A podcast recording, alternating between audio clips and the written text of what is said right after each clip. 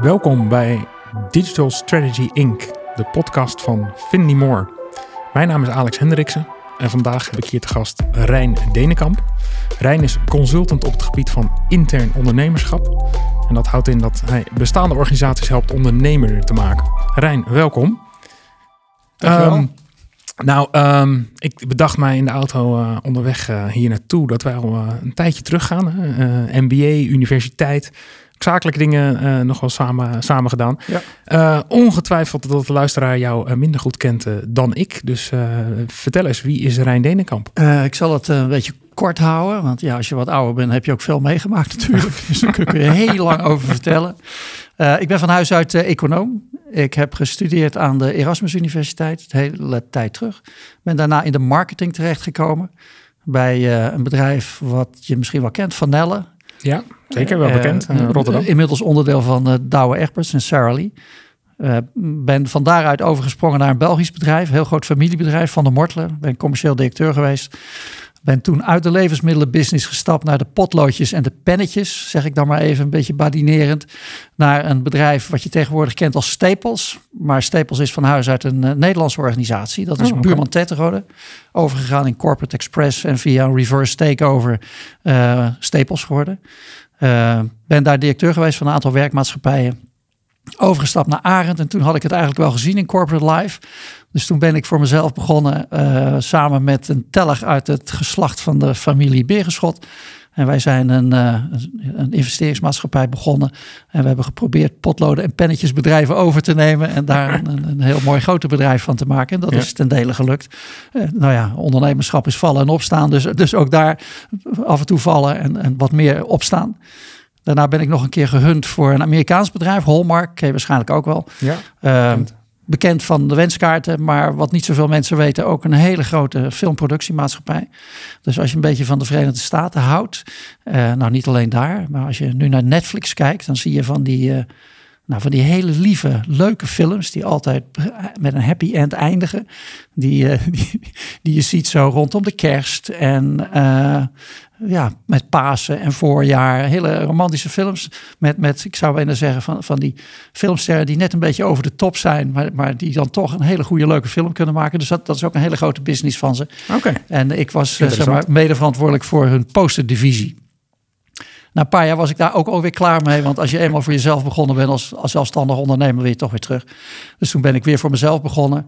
Heb in die tijd tot aan nu eh, een aantal bedrijfjes gehad. Nou, wij kennen elkaar vanuit eh, onder andere de reclamebusiness. Ja. Ik heb een reclamebureau gehad samen met een partner en ook een, een groothandel in farmaceutische producten.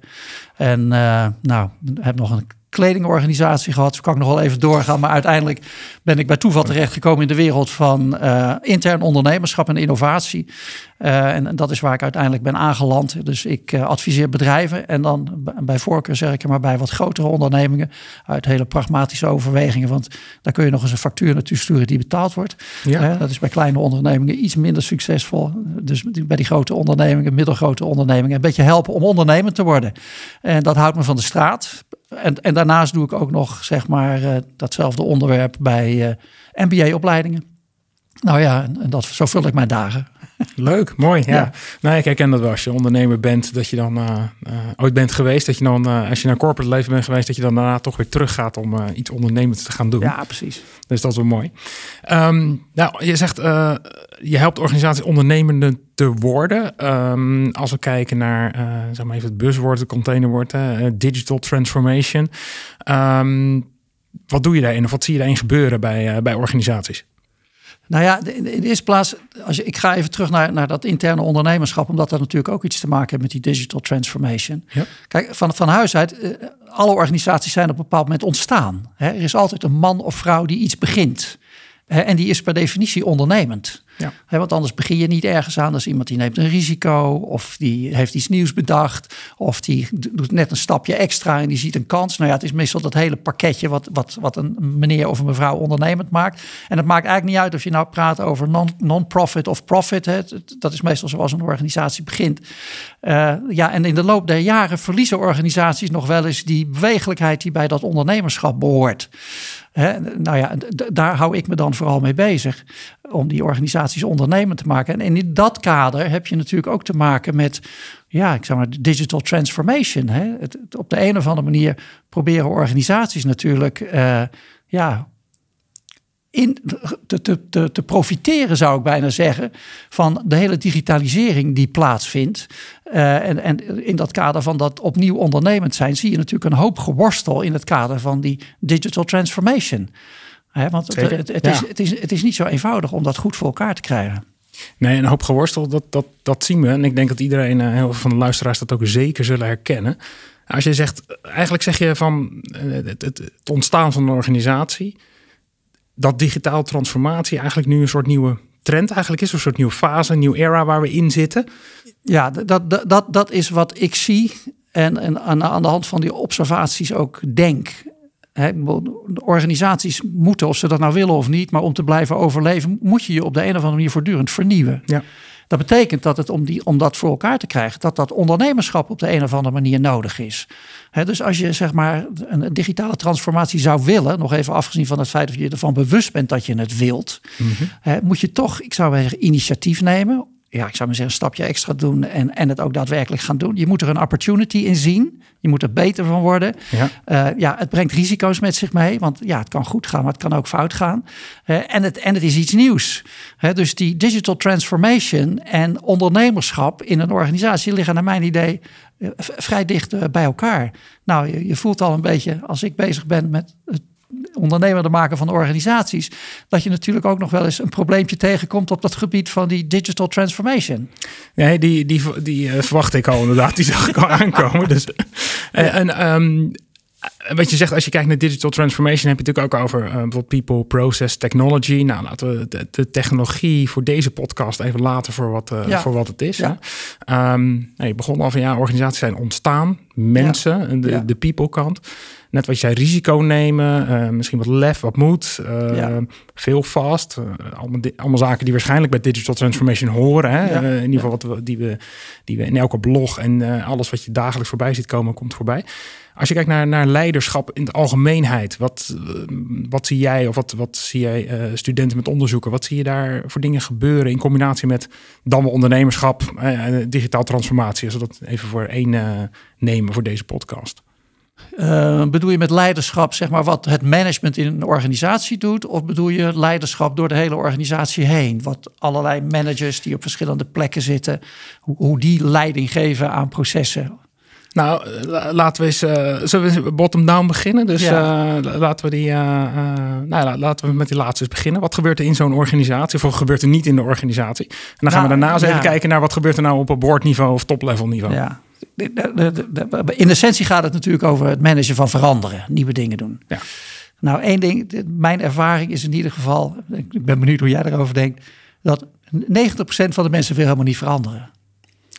Hè, dat is altijd eh, interessant als je binnen die organisaties rondkijkt. Er lopen altijd hele optimistische managers. En die managers hebben allemaal het idee dat al die mensen die ook in die organisatie werken, eigenlijk hetzelfde willen wat zij willen. Ja. Hè, maar 90% van de mensen die zeggen: God, ik kom om 9 uur. Of iets eerder of iets later. Of je werkt thuis, maar het maakt niet uit. En ik, ik maak mijn 36 uur vol. En het leven begint pas als die 36 uur voorbij zijn. Maar die, managers denken daar heel anders over. die denken, voor mij is het leven in die organisatie 24 uur per dag aan de gang. dus daar zit een heel groot misverstand in over eh, zeg maar, de bereidheid van mensen om te willen veranderen. Dus een hoop mensen willen helemaal niet veranderen. Die zijn hartstikke blij met de routines die ze in organisaties hebben. daar zit de, de eerste hele grote hiccup als je praat over welke transformatie dan ook. Ja. dus ook bij digital transformation ja, vind je precies hetzelfde natuurlijk. dus dus wat, wat betekent dat voor leiderschap? als je dan die ambitieuze manager den, die, die zo'n proces graag wil begeleiden of in gang zetten. Ja, dan moet je mensen toch, uh, nou laat ik maar heel zeggen, daar een beetje warm voor maken. Ja. Je moet zorgen dat ze het een beetje begrijpen. En uiteindelijk moet je zorgen dat ze het graag zouden willen. Nou, je hoort al, het zijn hele makkelijke woorden om uit te spreken, maar om dat voor elkaar te krijgen is nog niet zo eenvoudig. Nee, het klinkt niet als, inderdaad als een checklistje van, eh, nee. hey, gelukt uh, in, in, in de week. Maar nou ja, om antwoord te geven op je vraag, ja, ik zie dat in organisaties zeker uh, ook, ook gebeuren dat inderdaad mensen niet bereidwillig zijn hè, om, te, om te veranderen. transformatie gaat natuurlijk niet alleen over nou, veranderen, maar nog eigenlijk een stap verder. Echt transformeren, hè, als je daarnaar, daarnaar kijkt. Wat denk ik ontzettend lastig is met de, de componenten daarin.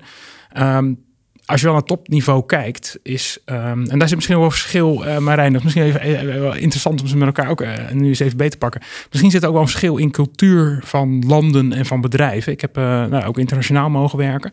Een Amerikaans bedrijf doet dat toch echt anders dan een Frans bedrijf dan een Nederlands bedrijf. Ja. En wat ik bij veel Nederlandse bedrijven toch zie, is dat nou, de hele organisatie zeg maar ongeveer het eens moet zijn met een verandering of een transformatie, als we al zover willen gaan, uh, voordat er wat gebeurt. Ja, Amerikaanse bedrijven zijn er toch wat uh, directer in, wat meer top-down gestuurd, ja. ongeacht hoe groot.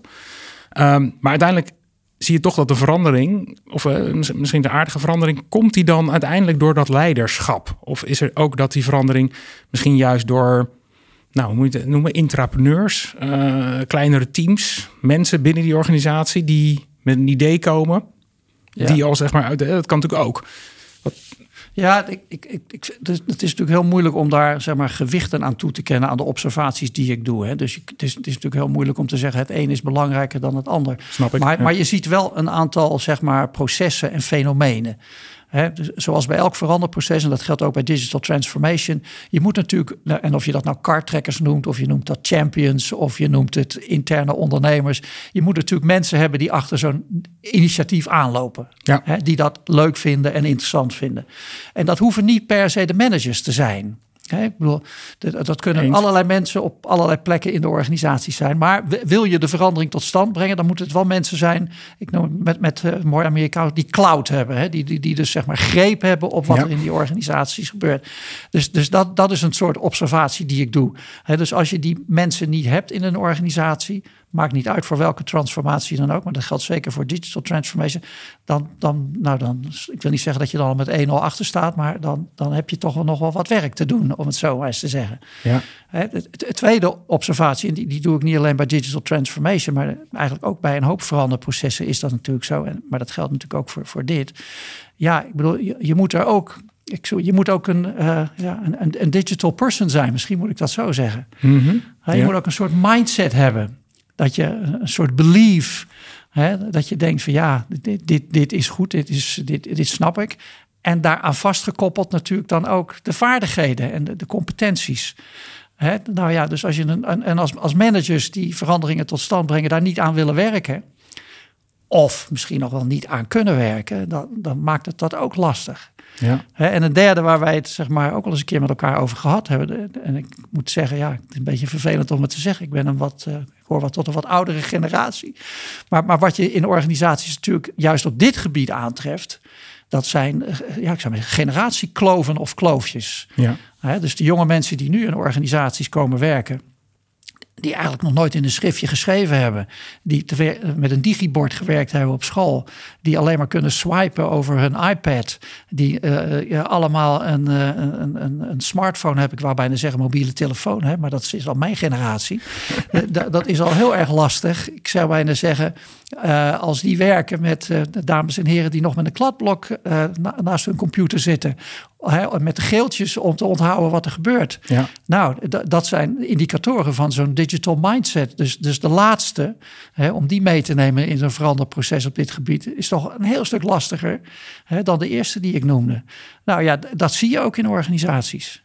Maar hoe, hoe, eh, interessant wat je daarin zegt. Ik denk dat die mensen die digital natives, zeg maar, hè, waar, waar, je over, over spreekt, um, ja, die, die zijn natuurlijk wel zitten helemaal aan die edge van technologie, van digital. Hè. Die zijn inderdaad met een, een, lineaire tv, dat kennen ze niet meer. Het is on-demand, nou, noem het maar op. Hè. Ik bedoel, we kunnen denk ik een half uur vullen over wat, wat ze niet kennen en wat ze wel kennen. Um, maar die komen misschien wel met de innovatieve ideeën. Ik wou bijna zeggen disruptieve ideeën, maar dat is misschien nog wel een stap verder. Ja, Daar kunnen we het zo nog over hebben. maar niet, niet nu, maar, maar de innovatieve ideeën of de innovatieve veranderingen. Terwijl tegelijkertijd in zo'n organisatie zitten mensen misschien die minder zo'n zo'n digital mindset hebben. Hoe zou je dan zo'n kloof kunnen overbruggen? Of hoe kan je dat bij elkaar zetten? Hoe, want die spreken over het algemeen niet dezelfde taal. Nee, nou ja, als je, als je het hebt over leiderschap, hè, dan denk ik dat hier ligt een belangrijke uitdaging voor leiders in de organisatie. Maakt, maakt niet uit op welk niveau je als leider opereert. Maar eh, ik zou bijna zeggen, het bij elkaar brengen van die werelden. Hè, laten we zeggen, de, de, de, de, de jongens en meisjes die groot geworden zijn met het uh, digibord, zou ik bijna zeggen. En de jongens en meisjes die groot geworden zijn helemaal aan de andere kant met het krijtje en het, en het bord. En daar zit natuurlijk van alles tussen. Ik zit ergens tussenin. Ja, ik zie jou kijken, maar ik zit er tussenin. Ja. Maar dat bij elkaar brengen, ik zeg, en of je dat nou in teams noemt, of in samenwerkingsverbanden, of in afdelingen. En zorgen dat er een soort open communicatie plaatsvindt. Hè, dat je je ook niet hoeft te schamen als je toevallig niet, ik zou bijna zeggen, op de goede toetsjes van je, van je, uh, van je keyboard drukt. Of het woord keyboard niet eens gebruikt, maar nog over een typemachine hebt. en iemand anders die het heeft over swipen. Dat bij elkaar brengen. Ik denk dat dat een hele interessante en belangrijke uitdaging is. Als je in organisaties, want ik bedoel, ja, ze werken er allemaal. Hè, al die generaties met al die verschillende achtergronden. Absoluut. Als, je, als je daar geen effort voor doet, als je dat niet doet.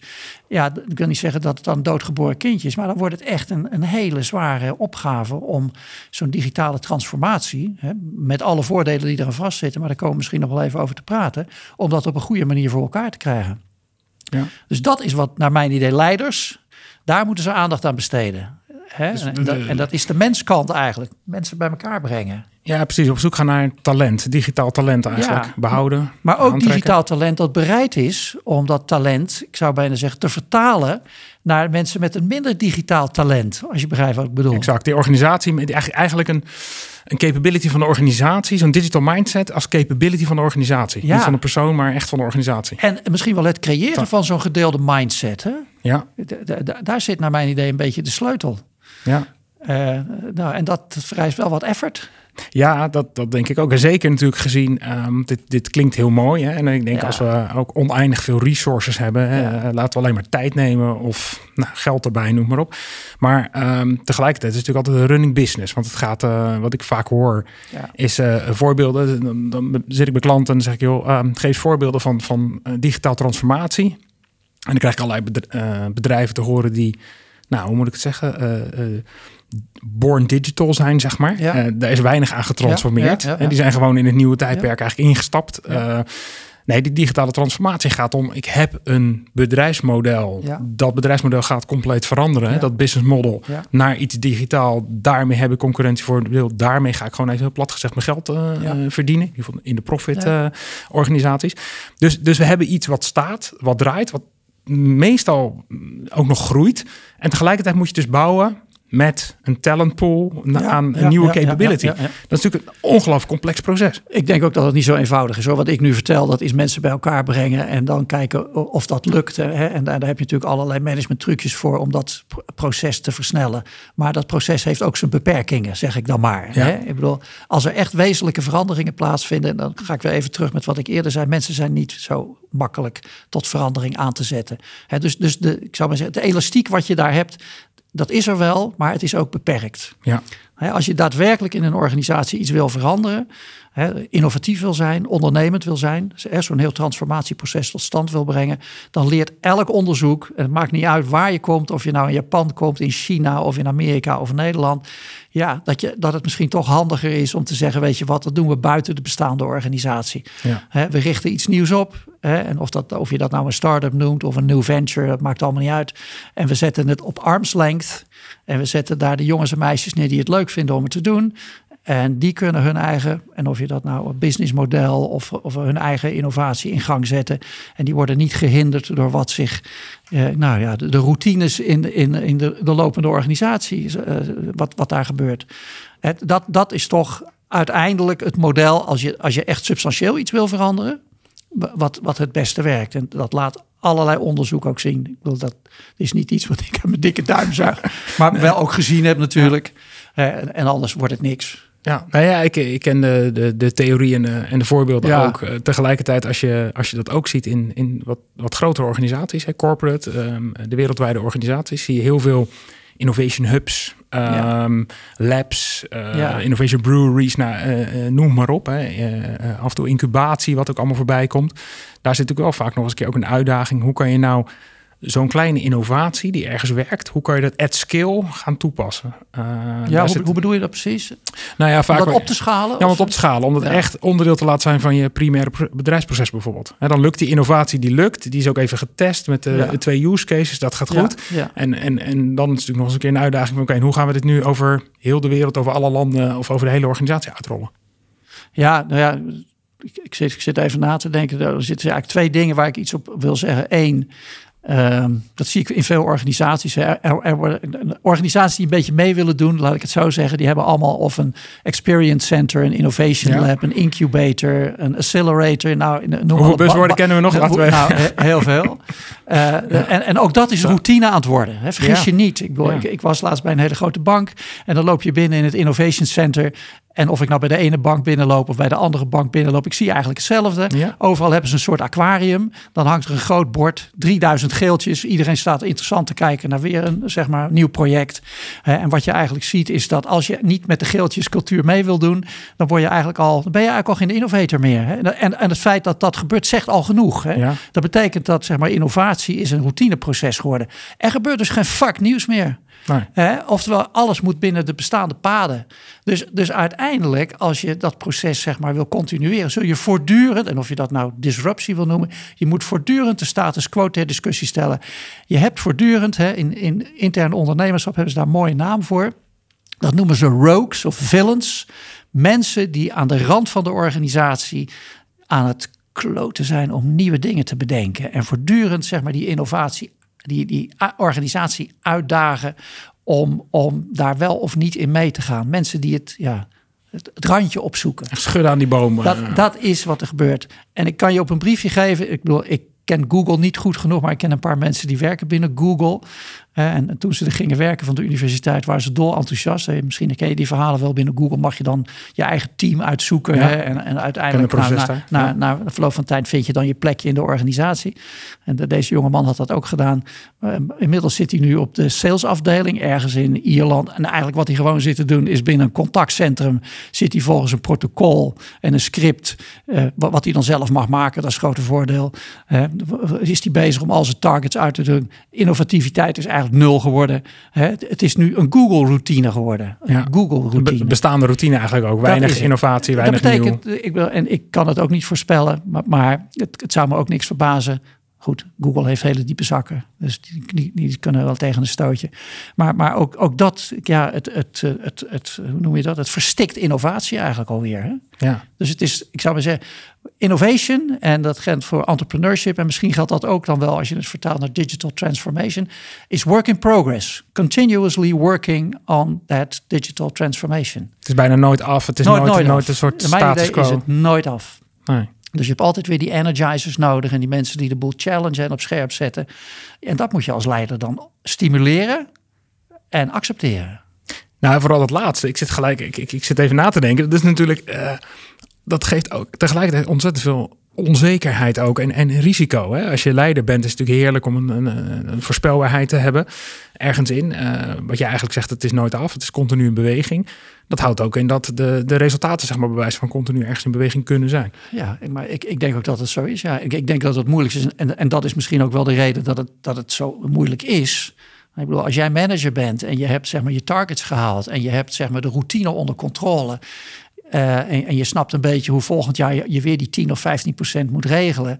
Dan denk je van, nou, dat, dat is toch eigenlijk wel een stuk makkelijker dan dat ik voortdurend iets nieuws moet bedenken. Kijken of mijn vier poten nog onder mijn stoel zitten. Of ik niet hier op een plek moet gaan zitten of op een andere plek. Of ik niet mensen in dienst. Nou ja, je, je voelt het al. Voortdurend veranderen is ook wel heel vermoeiend. Hè? Ja. Dus, dus je hebt, moet ook de energie hebben om dat te doen. Hè? Dus, dus iedereen heeft toch de neiging om uh, op het moment dat je het allemaal een beetje onder controle hebt Steady om grow. om het dan maar een beetje in, in het routinematige te zoeken. dus dat opschudden van organisaties, dat is natuurlijk wel heel erg belangrijk, voortdurend. Zie je voorbeelden in de, in de markt van echt, maakt even niet uit wereldwijd, van organisaties dat je zegt van nou die zijn eigenlijk continu in beweging. Er schiet er nu één bij mij binnen, maar ik, ik hou nog heel even dat bij. Er is er één, maar, maar dat is een beetje old school organisatie, waarvan ik het in ieder geval weet en, en dat ook wel hoor. Uh, Shell is er één die dat, die dat in ieder geval altijd gepropageerd heeft. Uh, of ze het nu nog doen, weet ik eigenlijk ook niet. Maar die zeggen onder andere: wij hebben natuurlijk een hele grote, dikke managementlaag. En die mensen mogen niet langer dan, dus ik zeg alleen maar wat, drie jaar op een job zitten. Ja. nou ja, als je dat doet, dan krijg je dus in ieder geval voortdurend nieuwe managers met Relatie, weer een nieuwe ja. opdracht. Ik, ik weet dat Unilever dat ook doet. Hè, het zijn een beetje old school organisaties. Eh, en, en je ziet het nu ook, zeg maar, dat, zeg maar je, dat, dat, dat organisaties elke keer weer opnieuw een contract afsluiten. Hè, dus posities weer ter beschikking stellen. Eh, en, en dat is natuurlijk een manier om, ja, ik zou maar zeggen, om voortdurend die vernieuwing tot stand te brengen. Hè. Maar Ja. mensen zijn slim, hè? Dus ook managers weten daar natuurlijk op een slimme manier weer mee om te gaan. Dus ik denk dat het Ah, dat is ook niet meer nieuw, hè? Dat is ook heel voorspelbaar. Dat is ook routine ja, geworden dan. voortdurende eh, uitdaging Ja. wordt, hè? Voortdurende uitdaging. Dan, ben je, dat. je, heb je, dan denk je een innovatief businessmodel wat te hebben ontwikkeld, wat ook weer routine geworden is daar. Ja. En, eh, maar, is, eh, Maar misschien ken jij organisaties zeg maar, die, die, die dit ook doen of op een andere manier doen. Nou, die bij mij naar binnen eh, schoot. En als je er natuurlijk langer over nadenkt, komen vanzelf alle andere organisaties ook naar boven. Maar ik dacht in ieder geval van Amazon. Hè, die is toch altijd bezig met zeg maar, continu dagelijks dingen aan het testen. Zeg maar. Ja. Eh, voornamelijk online, data gedreven. eh, continu dingen experimenteren. Dingen gaan goed, eh, dingen gaan minder goed. Maar die zit altijd op die as van verandering. Mhm. Ja. Met een enorme groei die ze natuurlijk ook nog eens Ja. keer, een keer doormaken de afgelopen jaren. Dus, Nou ja, dus dat, ja. dus ik dacht meer aan niet een Nederlandse organisatie, maar inderdaad dan natuurlijk een grote Amerikaanse club. Maar, ja. Nou ja, kan ik wel iets bij voorstellen, ja. Interessant is natuurlijk wat je zegt als je ook die relatie hebt. eh, als je even naar die, nou, als ik het zo maar onderbiedig even mag noemen, die generatiekloof, wat jij ook zei. Ja, ja. Dat is natuurlijk de vraag van, worden dan ook bijvoorbeeld nieuwe mensen eh, op posities ergens neergezet dat ze het verschil kunnen maken? Of hè, zeg maar, aan- wat je net zei, aan de rand van de organisatie. Want het is natuurlijk nog steeds dat dat een bepaald patroon is dat je een stapje hoger gaat bewijzen van, heb je nog steeds waarschijnlijk niet de innovatie die, eh, die je zoekt. Nou ja, ik, dat, dat zie ik wel gebeuren in organisaties. Hè? Ja. Ook in de meer, meer klassieke organisaties. Bij banken zeg maar, zie je nu ook gebeuren dat, hoe, hoe raar het ook mogen klinken, hè, dat daar soms ineens een niet-bankier de bank gaat leiden. Ja, exact. Ja. Hè, nou, dat, dat is zeg maar een- nou, een, een verandering, een andere manier om naar, naar je businessmodel te kijken. Hè, Voorheen was het alleen, eh, nou ja, hoeveel rente levert het op en wat ga ik beleggen? Hè, en nu komen er ineens andere zeg maar, eh, elementen bij kijken. Eh, dus dat, dat zie je wel gebeuren. Dus andere disciplines die general management gaan voeren. Ja. En dat zegt misschien ook wel iets, ook wel een, een voorbode misschien van digital transformation die aan de gang is of die men verwacht. Eh, dus dus dat, dat zie ik in ieder geval wel gebeuren. Ja, maar dan- let ja. op, we hebben het dan over de grote organisaties. Ja. In Nederland heb je 450.000 bedrijven, waarvan het merendeel familiebedrijven. En die, die zien wij niet zo goed. Maar daar spelen zich ook andere verhalen natuurlijk af. Hè. Daar spelen zich nog die klassieke verhalen af. Ja, maar zijn die dan minder in staat om te transformeren en digitaal te transformeren, denk je? Nou, ik denk, ik denk dat die. eh, nou, ik, ik, ik durf te zeggen, ze zijn veel ondernemender vaak. Ja, Ze zijn vaak al met digital transformation bezig eh, voordat het woord gevallen is. ja, Want die zien het gewoon als een business opportunity. En maakt Ja. niet uit welke naam het heeft. Nee. Eh, als het maar werkt en het zorgt dat ze hun positie kunnen verbeteren of versterken.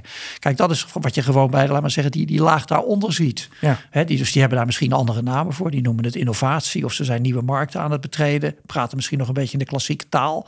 Hè, en maar zijn, zijn Andere niet, product-marktcombinatie Ja, of iets. Maar, maar, zijn, maar zijn niet te beroerd Ja. om een business die niet loopt. En als er een jongetje of een meisje binnenkomt die een fantastisch idee heeft over hoe je die processen anders kunt indelen. En die een winkeltje ineens een totaal ander concept maakt om dat dan gewoon te doen. En die zijn al aan het transformeren voordat wij nog het label erop geplakt hebben. Precies, ja. Dat, dat gebeurt ook. Voordat alle consultants eh, Ja, en, dat, eh, dat gebeurt ja, ook. alle academici daar papers over hebben geschreven. Ja, precies. Ja. precies. Mooi. Jij triggerde mij net. Jij zei van ehm, de voordelen van digitaal transformatie. Hè? Maar daar komen we misschien later nog, Mhm. eh, nog op. Nou, misschien is dat een mooi, eh, mooi stukje om daar nu even, even op terug te komen. Ehm, wat, wat denk jij dat, dat, dat digitaal transformatie voor organisaties uiteindelijk kan brengen? Qua Eh, ondernemerschap ook nog eens een ja. keer. eh, laten we die brug eh, daar slaan. Want anders gaan we in vervallen in dingen die, die de Nou, luisteraar sowieso ergens ja. kan lezen in een blog. Nou, la- laat ik eerst zeggen dat- een voorwaarde voor, naar mijn idee voor digital transformation is, hè, om het te laten slagen. Nou, niet, dat wil niet zeggen dat het dan succesvol is, maar, maar is, is dat mensen in ieder geval zelf ook, ik noem het dan maar, die, een digital mindset hebben, of maakt me niet uit hoe je het noemt. Ze moeten in staat zijn, ik zou maar zeggen, om die nieuwe wereld te omarmen. Dat is, dat is één. Ja.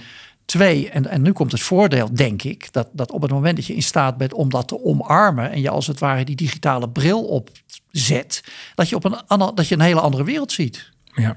Hè? Ik bedoel, ik, een beetje in voorbereiding op dit gesprek zat ik nog even na te denken. Ik heb vroeger een keten van modewinkeltjes gehad. Nou, hoe ziet een modewinkeltje eruit? Nou ja, dat zijn gewoon vierkante meters. Hè. Er staan rekken en je gaat inkopen. Hè. En dat komt op een seizoen aan en dan hang je het op. Hè. En als het niet zo loopt, dan hang je alles om. Hè. En je gaat iemand trainen dat die, dat die, die mevrouw die langskomt, dat die, die aankleedt, zou ik bijna zeggen. En dan loop je naar de kassa en dan druk je erop. En dan, is het, dan heb je omzet.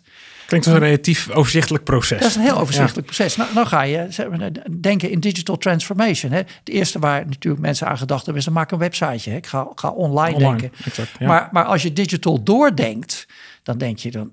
moet ik eigenlijk nog inkopen zoals ik dat deed? Ik kan over de hele wereld inkopen. Ergo, ik, ik kan er zelfs misschien wat dingen aan toevoegen. Ik kan misschien zelfs wel, wel gaan produceren. Ik kan mijn hele proces van waarde toevoegen voor mijn klant kan ik veranderen. Uh, moet ik communiceren met mijn website? Maar nou, misschien moet ik dat helemaal niet doen. Hè? Misschien moet ik wel gewoon heel simpel, uh, nou, alles via WhatsApp doen. Ja, ik, of, ik of, of, even in push mijn of via, of via virtual reality. Of, Oftewel, je, ziet een metaverse, je, je, je, ziet een volstrekt ander soort bedrijf ontstaan. Moet ik eigenlijk nog wel een locatie hebben in plaats van een winkeltje? Moet ik eigenlijk überhaupt wel een magazijn hebben? Nee, ook niet. Nee. Heb ik er nog een juffrouw nodig die dat doet? Nou, misschien wel een chatbot die een beetje slim in elkaar steekt. Nou ja, ik bedoel, dan denk je in een andere taal en dan ontstaat er een volstrekt andere business met een ander businessmodel. Ja. Maar ja, die moet wel eerst het taaltje leren en dan accepteren dat je met dat taaltje ook kunt communiceren. Ik denk dat dat een hele belangrijke voorwaarde is. Ja.